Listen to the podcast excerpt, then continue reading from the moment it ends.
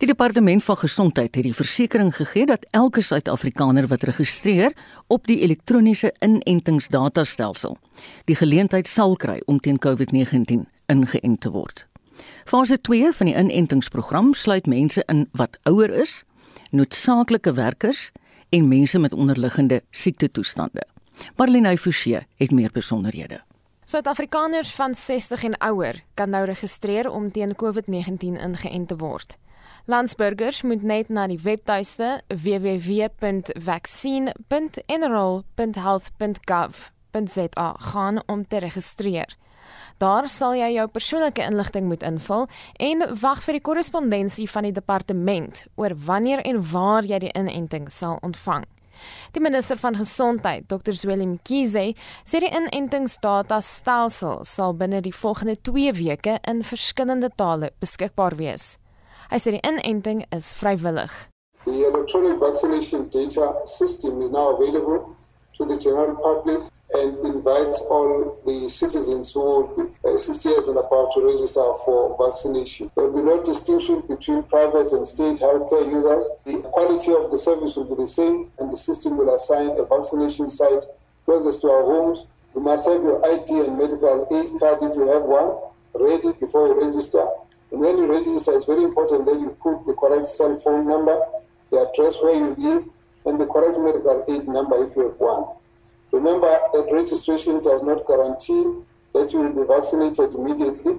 Mkhize sê geen landsburger sal vir sy inenting betaal nie en dat mediese skemas verplig word om die koste te dra. Mkhize sê die regering het genoeg enstofdosisse bekom vir persone wat ingeënt wil word. You are not expected when you get to the vaccine site to pay any money. Your medical aid will cover it if you've got one the government will pay for you if you don't have. And in this case, there should be no co-payments, no levies. Everyone must get access to the vaccine. That's why it's important to allow us to share to the citizens in the way we think is the best way to reach equity for all. So no one actually will be left behind. Die departement van gesondheid sê landsburgers se persoonlike inligting sal geberg word en nie met privaat maatskappye of derde partye gedeel word nie. Die hoofdirekteur vir beleidskoördinering, Milani Wolmarans, sê die departement het probeer om die registrasieproses so eenvoudig as moontlik te hou.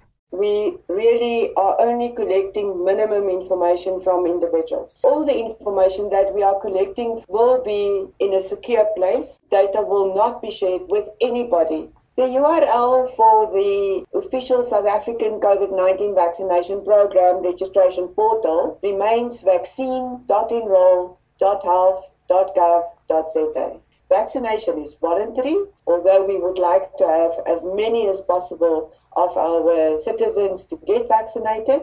When it's your turn, you will receive an SMS with the date, the time, and the place of your vaccination. Martin Kingston van Business for South Africa sê die sake sektor sal bystand en hulpbronne aan die regering bied tydens fase 2 van die inentingsprogram.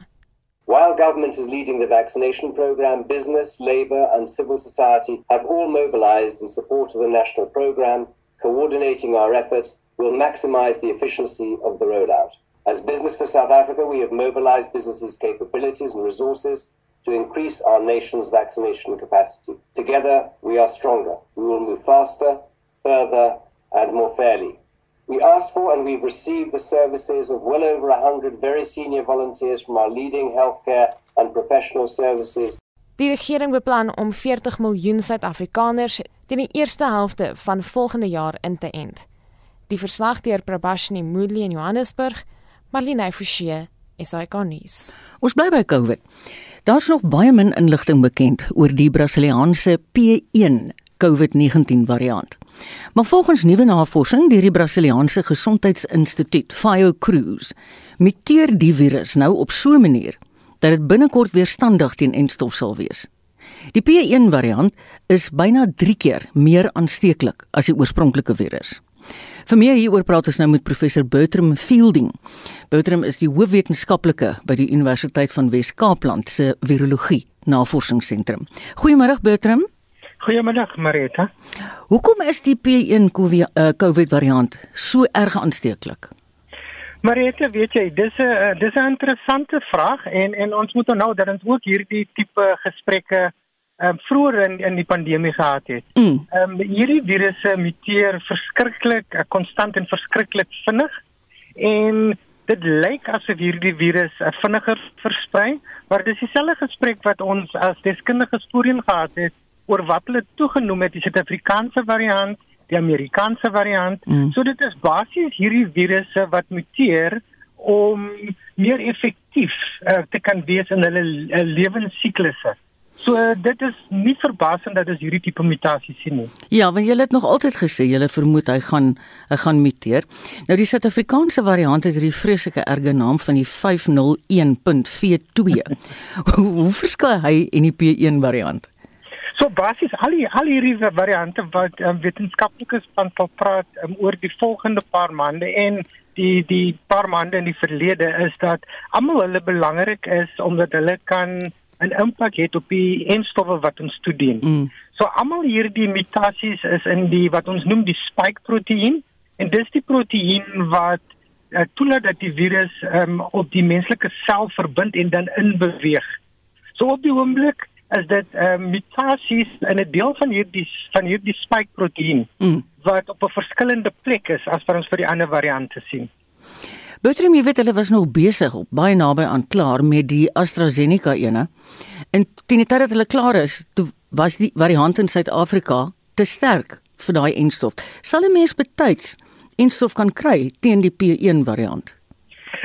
Maar dit is dis 'n nog 'n baie interessante en belangrike vraag, maar ons moet onthou, uh, dis 'n baie belangrike aspek dat hierdie variante net omdat hulle effektief is in 'n spesifieke populasiegroep in 'n spesifieke deel van die wêreld, is nie nood dit beteken nie noodwendig dat hulle so eef effektief as 'n virus sal wees in ander populasiegroepe nie. Mm. So en en ek wil nie die term Suid-Afrikaanse variant gebruik nie, maar kom ons gebruik die term um, net vir hierdie doeleindes. Ja. Hy was verskriklik ehm um, effektief in Suid-Afrika die virus praat ek van.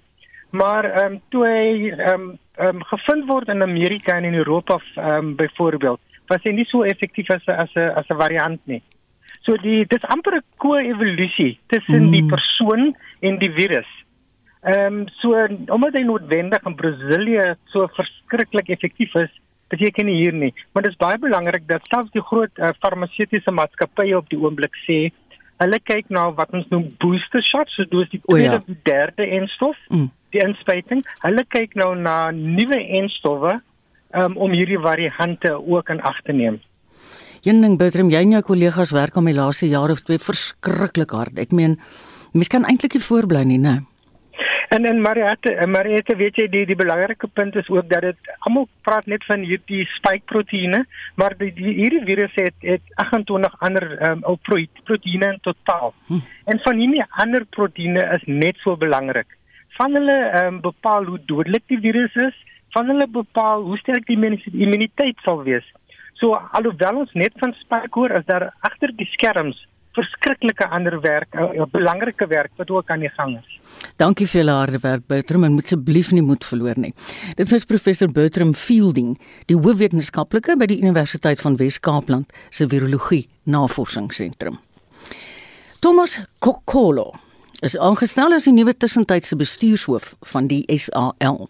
Die lugdiens is in Desember 2019 in sake redding geplaas. En ons praat nou met die hoof van die Vrye Mark Stichting, Leon Lou. Hallo Leon. Hallo Marietta en aan die luisteraars is my uh, uh voor my my voordeel om by julle te wees. Ag, dankie Leon. Gee jy 'n bietjie vir ons agtergrond, wat is Kokolo se geskiedenis? Wel, hy's 'n uh, uh, uh, rekenmeester, um geoktroeerde rekenmeester met uh geen ervaring in die kommersiële lewe of privaat sektor nie, maar hy lyk asof hy uh die nodige kwalifikasies het. Hy's iemand wat beïndruk met sy uh ben, be, benadering en hy het 'n besigheids uh, verskeie besigheidskwalifikasies. So hy is iemand wat 'n mens uh, positief oor kan wees, maar wat hy gevra is om te doen is maar 'n ander saak. Ek Ja. weet nie of ek dit sou aanvaar het as ek hy is nie. Uh en hy's nie eers die permanente hy is hoofuitvoerende uh, beampte nie, maar waarnemend en die ding van waarnemende beamptes dat hulle eintlik geen sekerheid het nie hulle weet nie hoe lank hulle daar gaan wees nie.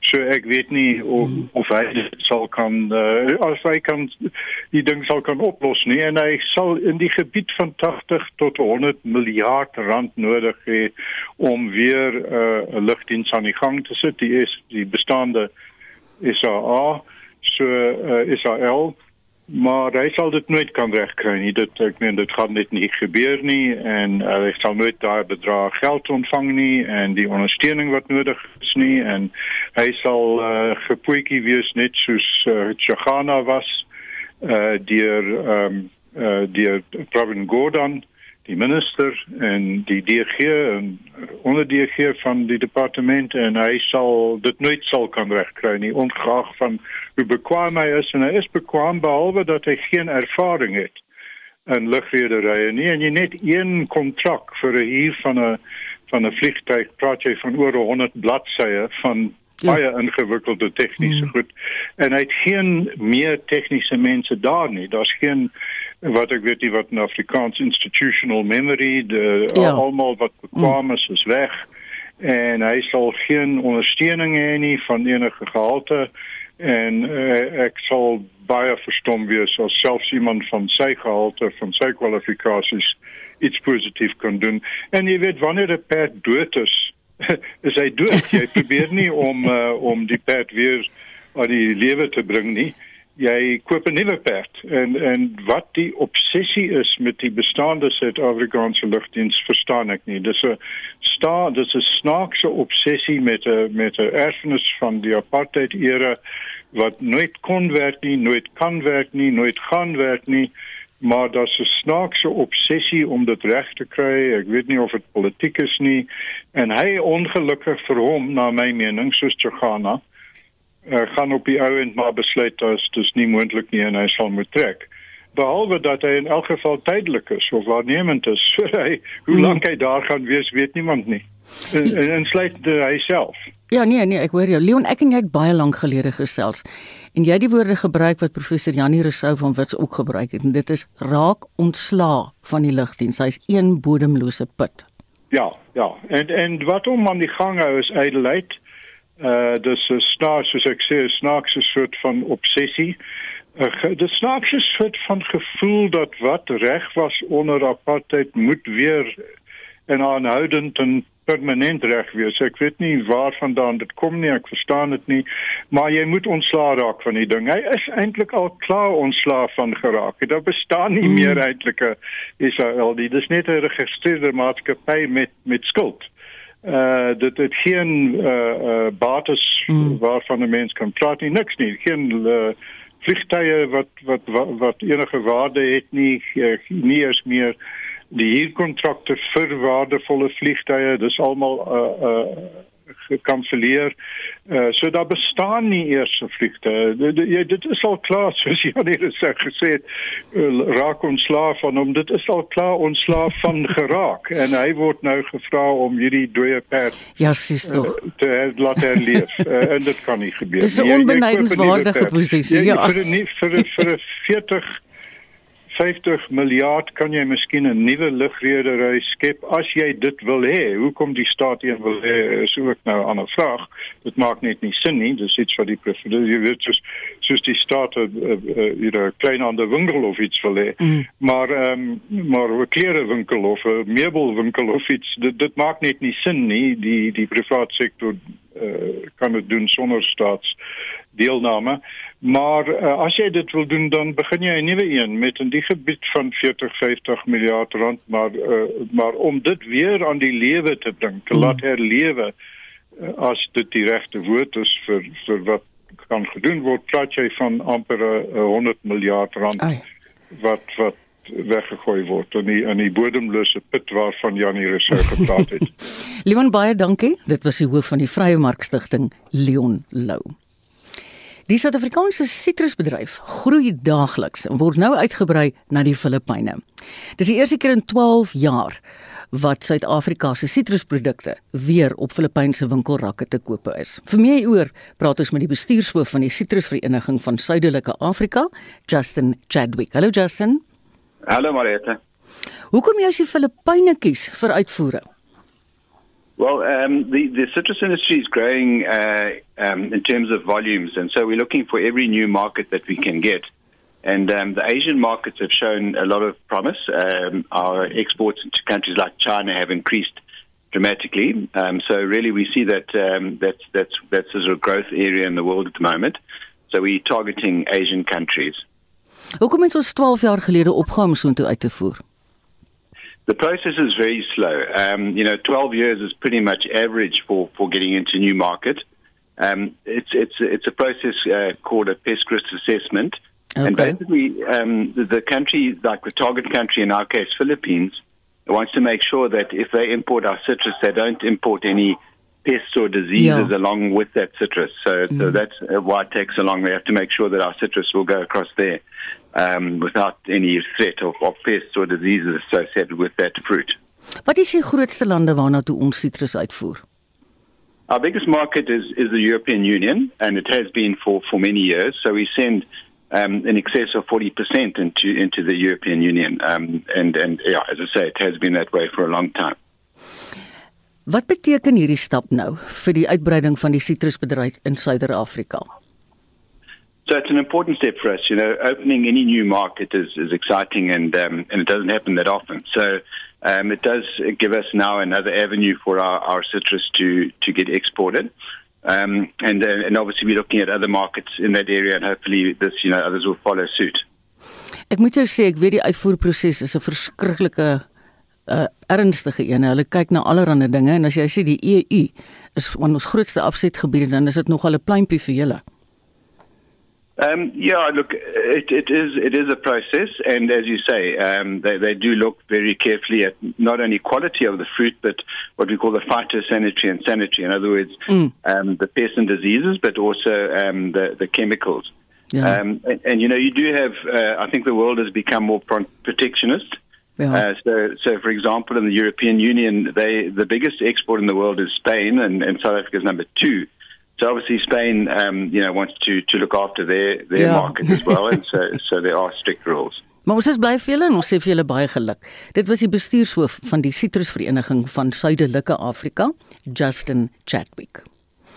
'n Gevierde digter en dosent aan die Universiteit Stellenbosch, Dr. Alfred Schaffer, is onlangs bekroon met die gesogte Herman de Koningprys vir 2021.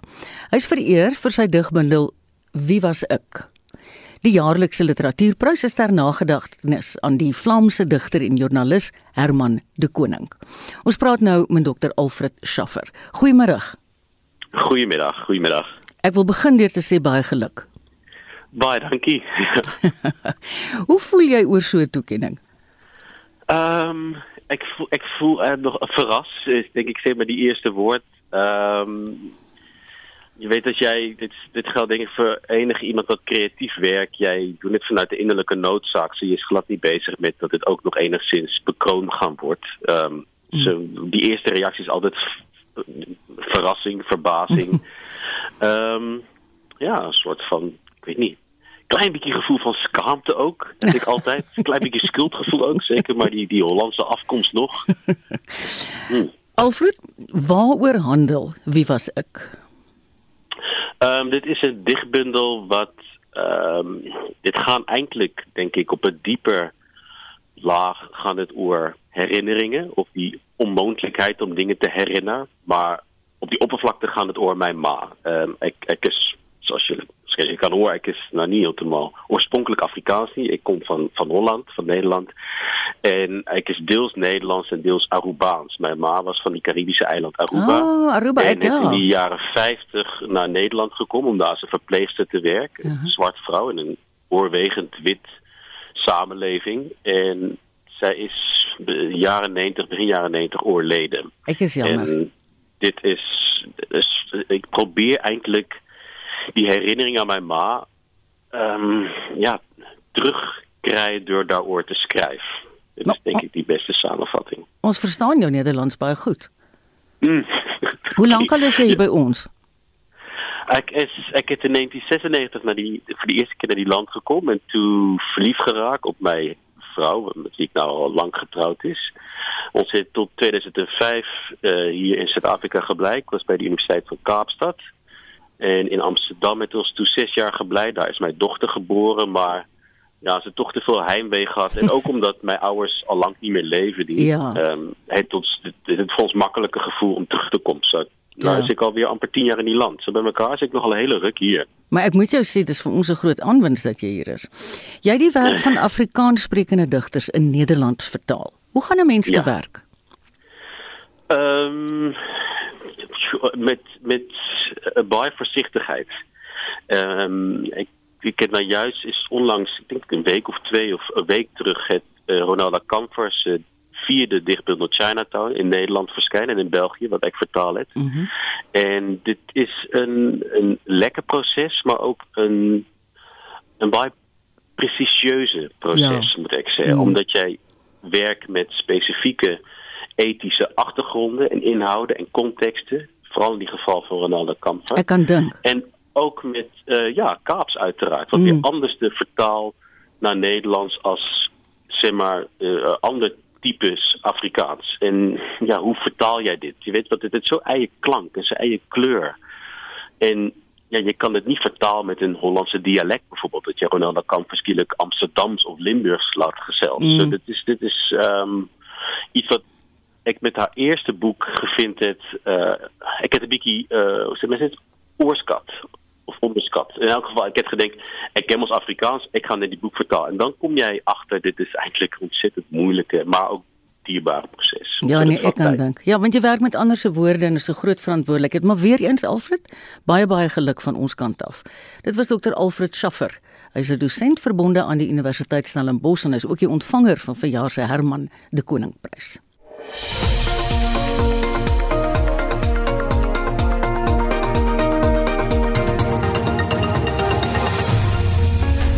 Kyk gistermiddag en eintlik gisterand het ek dan my naels stomp gekou met daai laaste T20. Hallo Pieter. Hallo Marieta maar sê. Ek wil jou sê, as ek nou reg is, ek sê Pakistan se krieketoer deur Suid-Afrika het nou ten einde geloop. En helaas het hulle dit ingepalm. Ja nee, weet jy die T20 reeks onthou hulle daar natuurlik daar die uh, eendag reeks gewen uh, met 2-1 en toe die T20 reeks het uit vier wedstryde bestaan. Die telling was 1-11 na twee wedstryde, maar uh, Woensdag is dit Pakistan wat daar die derde wedstryd op Supersport Park met nege paadjies ingepalm het. En soos jy sê, die siening is dit gevloei Just gisterand, like. maar nou ja, Suid-Afrika kon dit net nie deurhaal nie. Dit is Suid-Afrika wat 144 aanteken. Pakistan antwoord met 149 vir 7. So dit beteken hulle wen die reeks op 'n drafstap met 3-1. Dan wat uh, die internasionale front aanbetref, dit is natuurlik die, die Indiese Premier Liga wat gespeel word.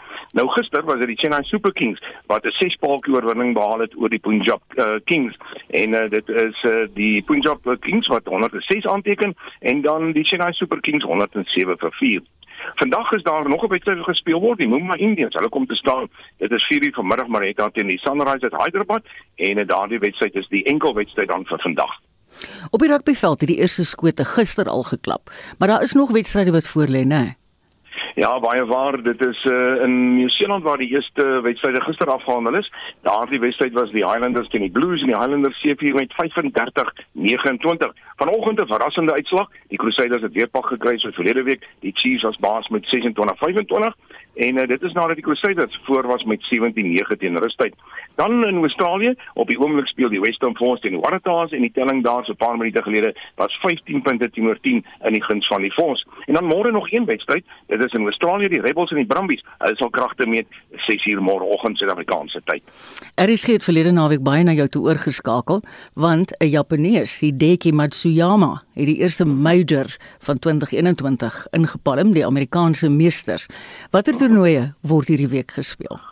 Ja, ons maak eers 'n draai daar in Europa en as die Oostenrykse Ope wat in Adzenburg gespeel word. Nou na twee rondes is Alejandro Canizares die voorloper. Hy's op 700 syfer, net een nou voor Martin Keimer en John Catlin wat op 600 is. Justin Walters van Suid-Afrika baie goed geplaas in die vierde plek op 500 en Jan Kruiswyk een nou verder terug in die vyfde plek. Hy's op 400 syfer.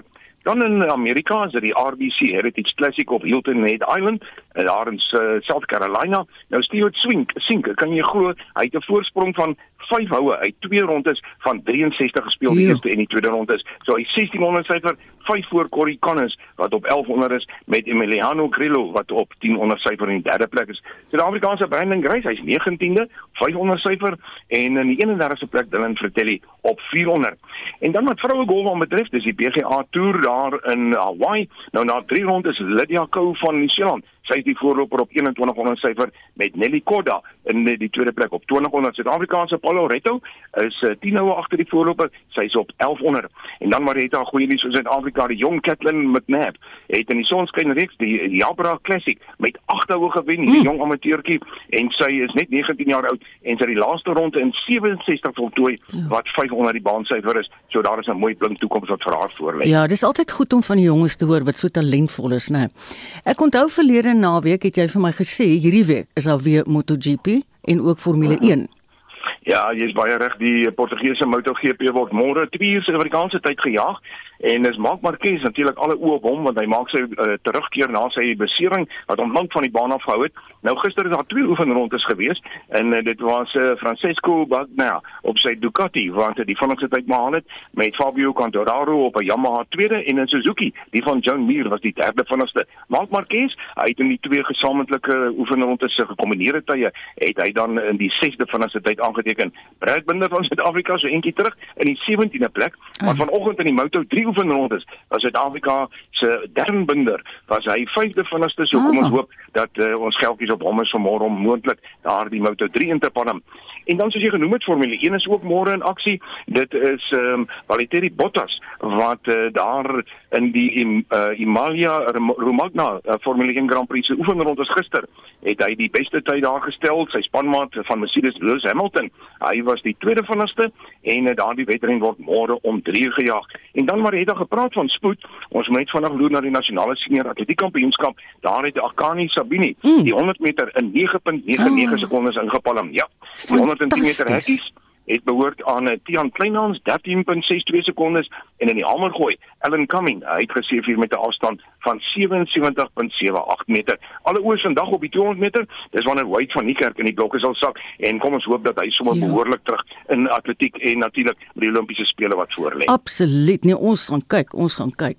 Kom ons maak goue draai op die tennisbaan. Was jy ook hierdie week so verskriklik verras met aangaan daar Monaco? Daar's al 'n ja, ja, ek kan nie glo. Ja nee, Novak Djokovic, Novak Djokovic kan jy glo hy is sommer vroeg uitgeskakel. Ja. Ja. Nou in die kwartfinale het uh, Andriy Rublev het hy afgereken met Rafa Nadal. So Nadal Nee. is ook huis toe gestuur in drie stelle. Uh, Casper Ruud, hy's deur na die halffinale toe. Daniel Evans is deur. Hy het vir David Goffin geklop in drie stelle en dan Stefanos Tsitsipas. Hy is die vierde man wat uh, vandag in die halffinale sal wees. Goed, kom ons gaan vir die laaste vraag na die sokkerveld. Wat gaan alles aan asseblief? Ja, dan net 'n vinnige draai op Goodison Park gisterand was dit Everton en Tottenham Hotspur wat twee elk gelyk op gespeel het. Vandag in die Engelse Premier League Newcastle United om 0.5 teen West Ham United en dan Wolverhampton Wanderers. Hulle speel teen Sheffield United om kwart oor 9 vanaand. En die FA beker, dis op die Wembley Stadion Chelsea teen Man City vanaand om 07:30 Suid-Afrikaanse tyd en môre ook in die FA beker Leicester City teen Southampton is om 08:30 môre Suid-Afrikaanse tyd en dan in die Nedbank beker is daar vandag een wedstryd Pretoria Kellys. Hulle speel teen Chippa United. Dit is om 3 uur. En dan uh, natuurlik vanmiddag om 3 uur tot 6 uur is dit RSG Sport saam met Jody Hendrik, baie meer sportnuus vir ons luisteraars en ek sal maandagooggend in Monitor oor die naweek se sport weer gesels en alles mooi opsom. Ja, ek moet sê jou werk lyk klink vir my uitgeknip vir hierdie naweek, né? Geniet dit Pieter. Dankie hoor. Dis Pieter van der Berg van RSG Sport. Hierdie is 'n wonderlike storie wat nou kom. Terwyl party mense verlede jaar in afsondering, diep afsondering was en half sonder werk gesit en so, was daar ouens wat dit ingespan het vir 'n rede. Want 'n unieke Suid-Afrikaanse selfoontoepassing is ontwikkel om jong tutors met leerdlinge te verbind, veral leerdlinge wat akademies sukkel in sekere vakke. Cognition help leerdlinge om geskikte privaat opleiers in hulle nabygeleë omgewing te vind. En ons praat nou met die direkteur van Cognition, Dani Viljoen. Hallo Dani. Goeiemôre Marieta en alle luisteraars. Uh, eerstens baie dankie vir die geleentheid om met RSG te kan gesels vandag. Uh, dit is werklik 'n voorreg. Weet jy, ek dink verlede jaar het ons almal so baie geleer hoe 'n mens kan universiteit toe of skool toe of wat ook al gaan, maar net op heeltemal 'n ander manier. En jy het duidelik die gaping in die mark gesien en toe het jy besluit jy gaan 'n toepassing ontwikkel. Dis korrek ja, Marieta. So ja, Cognition is 'n is 'n mobiele toepassing of soos hulle in Engels sal sê 'n mobile app ja. uh, wat beskikbaar is op op beide iOS en Android. Uh in ons ons verbind bekwame tutors met uh, studente wat ekstra lesse benodig. Uh en dit word alles in 'n vrye markomgewing gedoen, so die die tutor en die student uh hulle hulle bepaal die prys deur uh deur met mekaar ja die mm. die prys vas te stel. Jy's like hoe lank vat dit om so 'n ding te ontwikkel? Ja, maar dit dit is nie 'n dis nie 'n klein taak nie. Ehm um, ons is ek ons het hierdie toepassing al reeds uh in 2016 al al begin bou uh en dit oor die tyd aangepas en en net beter gemaak en ons is nou by ons by ons derde toepassing, mm. maar dit vat verskriklike ehm um, effort om hierdie ding te kan bou. Hoeveel van julle werk daaraan? Marita, ons is 'n uh, span van 4 mense uh in in 'n tydelike persoon, 'n vyfde tydelike persoon wat dan voltyds op hierdie werk en dan daarmee saam ook um, 'n paar ander toepassings wat ons ook bou, maar hoofsaaklik ja, op Cognition is ons is ons 4 mense. Hoe keer julle die opleiers en selfs die onderwysers om seker te maak daai ouens is daar het daar 'n matriek? Ja, so tutors vorm 'n integrale deel van ons platform. Uh en dis is ons altyd op soek na na jong studente wat uitstekend gevaar het op skool en op soek is na addisionele inkomste. Uh om die hoogste kwaliteit en veiligste diens vir ons studente en ouers aan te bied volgens 'n streng keuringsproses voordat tutors aanvaar word op die platform. Hmm. So ons aanvaar slegs tutors wat hoër as 80% in in matriek verdien het in die vak wat hulle graag wil aanbied. Hulle beskik oor 'n bestuurderslisensie het geen kriminele rekord nie en slaap dan ook 'n agtergrondstoets wat ons op die op die kandidaat uitvoer. O, oh, dis interessant. Watter vakke is die meeste in aanvraag? Ja, op hierdie oomblik sal ek sê uh dit is op hoërskoolvlak en definitief vir wiskunde en uh en wetenskap. Ons ons sien definitief die grootste syfers in daai twee vakke. En is daar redelik baie tutors beskikbaar in daai vakke? Ja, nee, die meerderheid van ons van ons tutors uh is op hoërskoolvlak en uh ek sal sê omtrent die helfte van hulle uh jy weet kan wiskunde of wetenskap aanbied. Um en dit is maar net omdat die mark meerendeels altyd vir ekstra lesse benodig hulle wiskunde ja. en wetenskap. So definitief ja, ons het ons het redelike goeie getal tutors beskikbaar vir dit. Ek het nou gewonder, dink jy dit gaan nou dit dien 'n doel as jy met iemand praat wat min of meer jou ouderdom is, dat jy dit dan dalk makliker sal verstaan? Definitief Marita, so dit is iets wat ons wat ons opgetel het. Ehm um, jy weet en ook met die feit dat baie van die onderwys uh, laas jaar online beweeg het of aanlyn weet dat hulle deur Microsoft Teams en Zoom en so voort uh jy weet klasse aangebied het. Mm. Het ons gesien dat dit jy weet dit gaan nie net altyd oor die les wat 'n tutor die student mee help nie, maar dit gaan daaroor dat die tutor inderdaad ook 'n mentor vir die vir die ja, studente ja. en en as hulle min of meer dieselfde ouderdom of kom, kom kan mens sê jy weet 'n 5 tot 10 jaar ehm um, gaping tussen hulle het daai tutor verstaan nog die omstandighede van die student en mm. kan op daai emosionele vlak mm. definitief uh jy weet 'n skakel vorm en daarmee saam, jy weet dan gee dit motivering en Precies. mentorskap aan die student boonbehalwe die die vak waarin waarin die student gehelp word. Dis so interessant. Dani, baie dankie vir hierdie uh, toepassing wat jy ontwikkel het. Dit was Dani Viljoen, hy's die direkteur van Cognition. In ons weeklikse motorrubriek toets Wessel Pretorius 'n Ford bakkie. Ford bied verskeie spesiale modelle om sy Ranger bakkie een van die heel beste plaaslike verkopers, so wyd moontlike trefkrag te gee. Aan die bokant van die reeks net onder die Raptor topmodel kry jy deesdae die Thunder. Die is op die Wildtrak gebaseer met 'n paar bykomstighede en 'n meer uitdagende voorkoms. Van voor sal jy onmiddellik die Thunder erken deur sy twee niervormige liginlate in die sierrooster. Die is met rooi omlyn wat nogal 'n interessante redelik dramatiese effek voorskep. Dan is hy ook langs die kante en heel agter vander kentekens ook in rooi en hier agter die kajuit is 'n sogenaamde sportstaaf met so 'n rooi band onder hierdie is egter slegs 'n plakker wat nie so duursaam gaan wees as 'n meer permanente strook nie. Maar hierdie rooi strook is wel van die kant af opvallend. Jou alloy wiele heeltemal in swart Aan die binnekant terwyl die Wild Track model met oranje gestikte leer oor die weg kom, sit die Thunder die rooi tema binne voort. Alle leeroppervlaktes vanaf die stuur tot die ratkierie tot die paneelbord bo, die sitplekke, die sentrale houer tussen die twee voorsitters en sittendes, alle leeroppervlaktes word met 'n mooi rooi dubbellyn gestik met Thunder op die voorste sitplekke geborduur. Lieks toegerus en ruim binne. Die inligting en vermaakstelsel met navigasie is duidelik en logies uitgelê. Ook talle veiligheidskenmerke soos sewe ligsakke, selfaanpasbare spoedbeheer, laanhulp, blindekol waarskuwing, parkeersensors voor en agter met 'n driebeeld, 'n funksie wat jou help parkeer en outomatiese noodremming wanneer 'n voetganger of 'n stilstaande voorwerp skielik voor jou opduik. As ek na iets moet soek om te kla, is dit net een of twee klein goed. Die spasie voor die ratkierie waar jy nou jou selfoon of jou leesbril of wat ook al neersit, is 'n gladde oppervlak.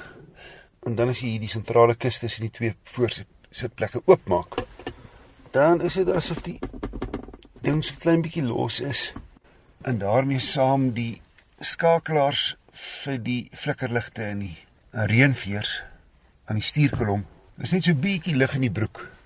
Ook verskeie praktiese bykomstighede in die bakgedeelte, soos 'n 12V kragpunt, beskerming vir die laaibak se oppervlak, vashegpunte en 'n bakverdeler waarmee jy self kan besluit hoe groot of klein jy jou twee dele pakplek in die Ranger Thunder wil maak. En dan 'n staaldeksel van die roltipe waarmee jy jou bagasie veilig kan toesluit. Die 2 liter diesel met 2 turbo aanjaars lewer 157 kW en 'n fris 500 Nm wrinkrag. Daar is altyd genoeg krag en met die 10-spoed outomaties altyd in die regte rad. En suinig, ek 8,7 liter per 100 km op die oop pad gemeet. Wat ook beïndruk is hoe gebalanseerd en geplan die Ranger Thunder op die oop pad is. Teen 120 in 10de rad lê die toere maar hier by 1700. Stil, net 'n bietjie wind geruis van die groot syspieëls. En vir die luisteraars wat daai stuk slaggat besaaide Vrystaatpad tussen Tweespruit en Excelsior ken, wel die fort het dit besonder goed hanteer. So ook 'n stuk plaaspad grondpad en hobbels word uitstekend geabsorbeer. Saam met 'n laastrek radkas beskik hy ook oor op- en afdraande beheer en die agterste ewenaar kan sluit. Jy kyk hierdie Ford Ranger Thunder 4x4 is by uitstek 'n luukse, ruim en gerieflike bakkie. Rondom 'n uitblinker wat soos 'n premium sportnuts bestuur. Maar teen R830.900 nie almal beskore nie vir 'n Ranger dubbelkajuit met elemente van die Thunder teen onder 'n half miljoen gaan kyk na die XL Sport. Dis Wessel Pretorius.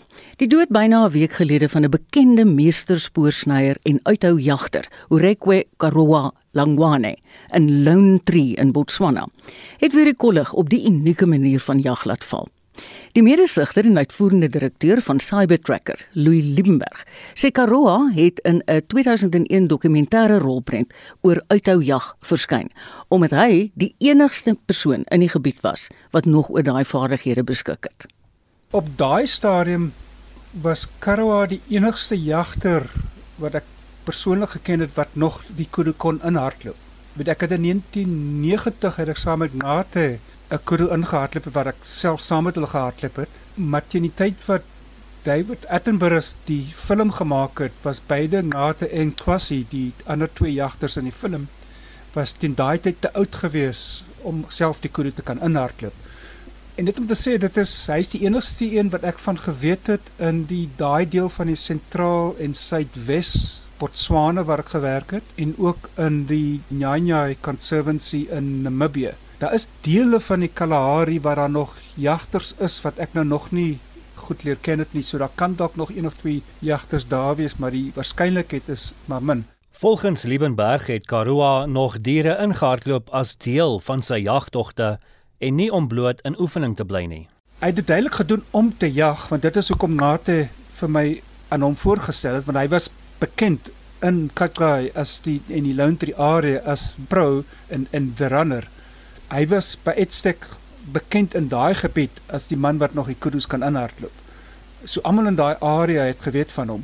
So hy het nog gedoen om te jag, maar teen die tyd wat Attenborough die filmwerk gedoen het, ek dink daai was letterlik sy laaste jag gewees. Dit was letterlik op daai stadium wat hy begin ophou jag het.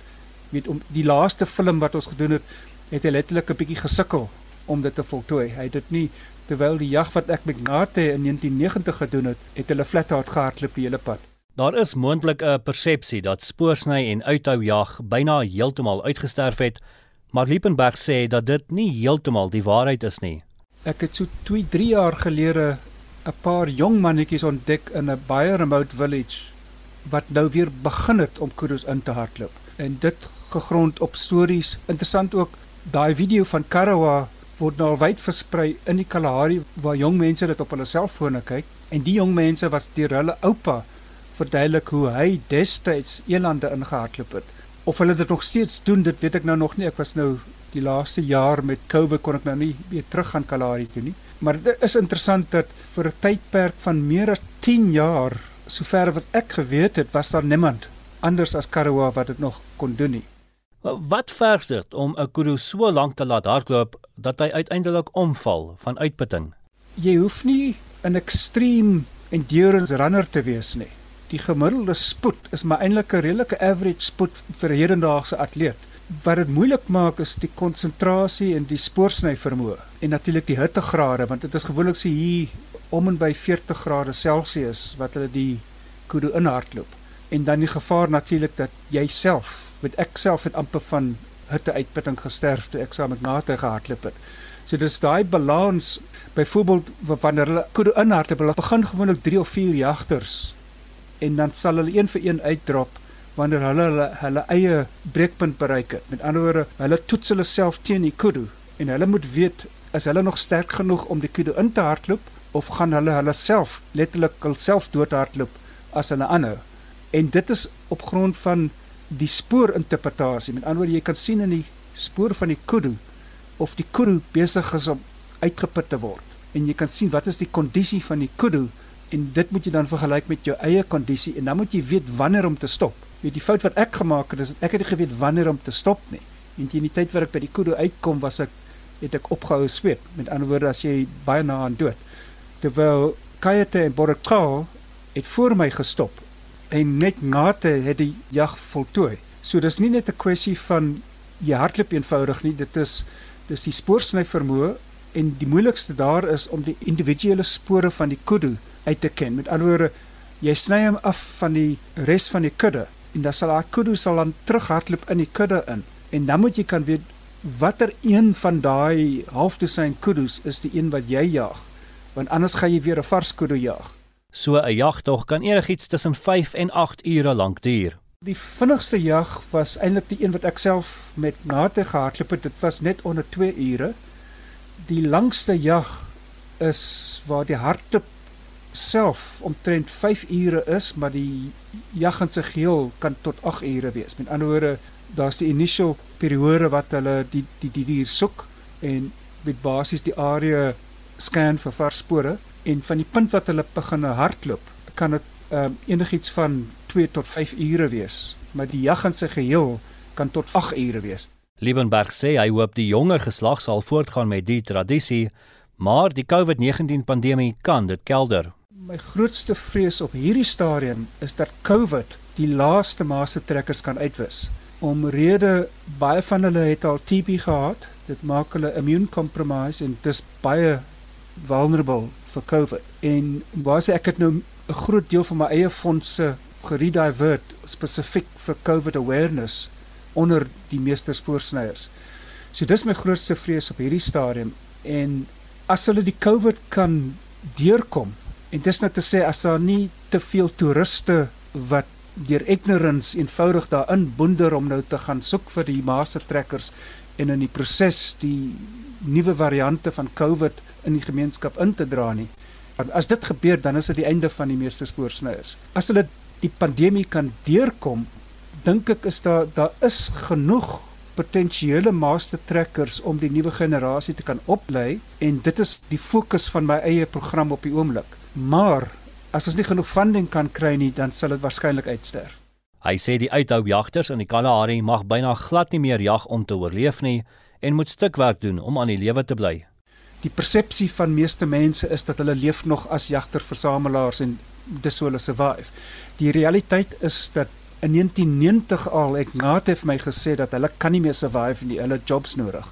En dit is nou al 30 jaar gelede. En sedert die 1950er jare het hulle al begin om uh, wat hulle noem 'n mixed economy te adopt. Die skep van natuurparke en beesboerdery en en boorgate en so aan is die grond wat hulle beskikbaar het om te kan jag is kleiner en kleiner gemaak. Op hierdie stadium mag hulle nie in Botswana jag nie.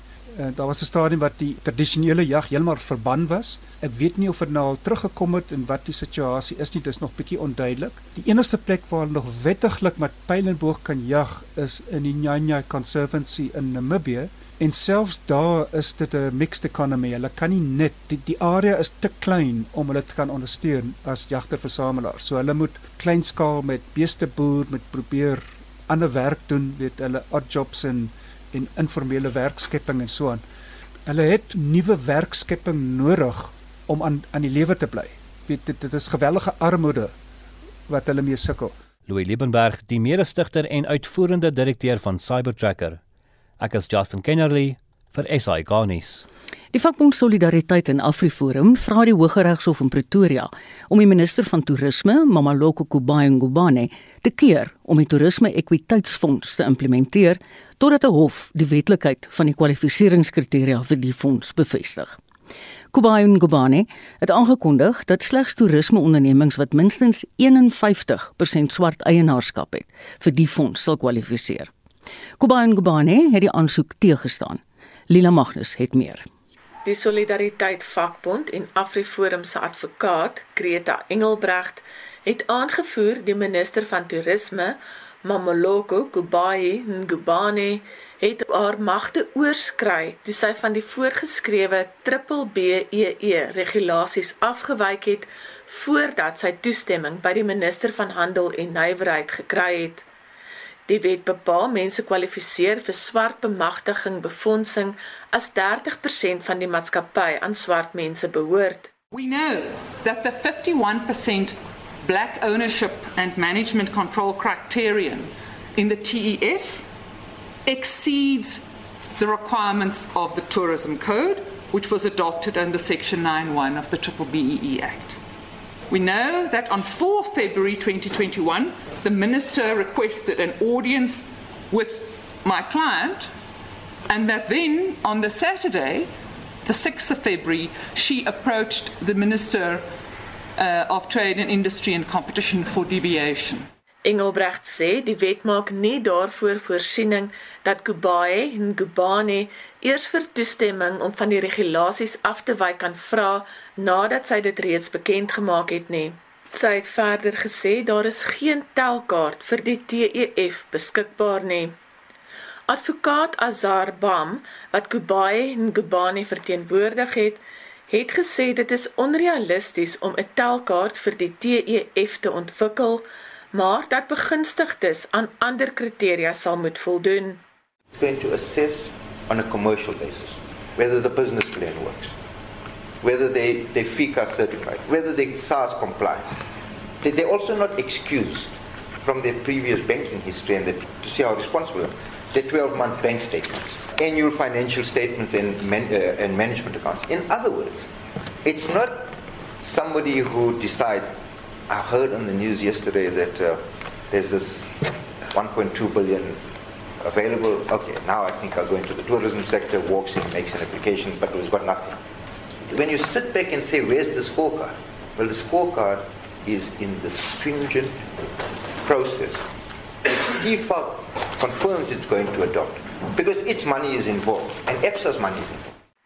Hy sê die minister van handel en nywerheid was deurgangs bewus daarvan dat Kubai en Gubane die triple BEE vereistes vir die TEF gaan verander.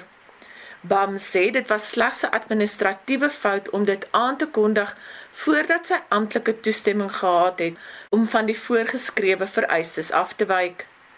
Kubai en Gubane het buite die hof gesê die TEF is ontwerp om die toerisme-industrie op 'n groter skaal te transformeer as wat die toerisme transformasiefonds toelaat wat slegs 'n miljoen of 2 miljoen rand aan begunstigdes kan gee.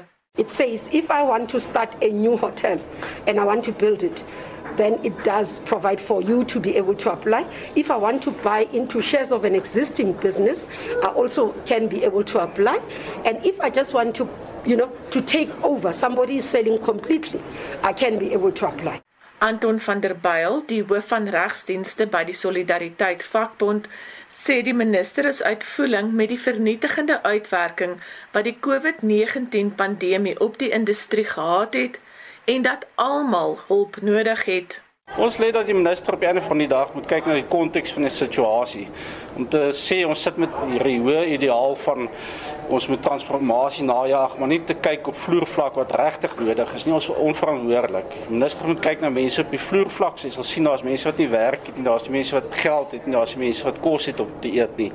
So kyk na die omstandighede en dan distribueer jy die geld volgens behoefte. Moenie kyk na 'n spesifieke persoon se veldkleur as 'n mate van toediening van geld. Uitspraak is voorbehou.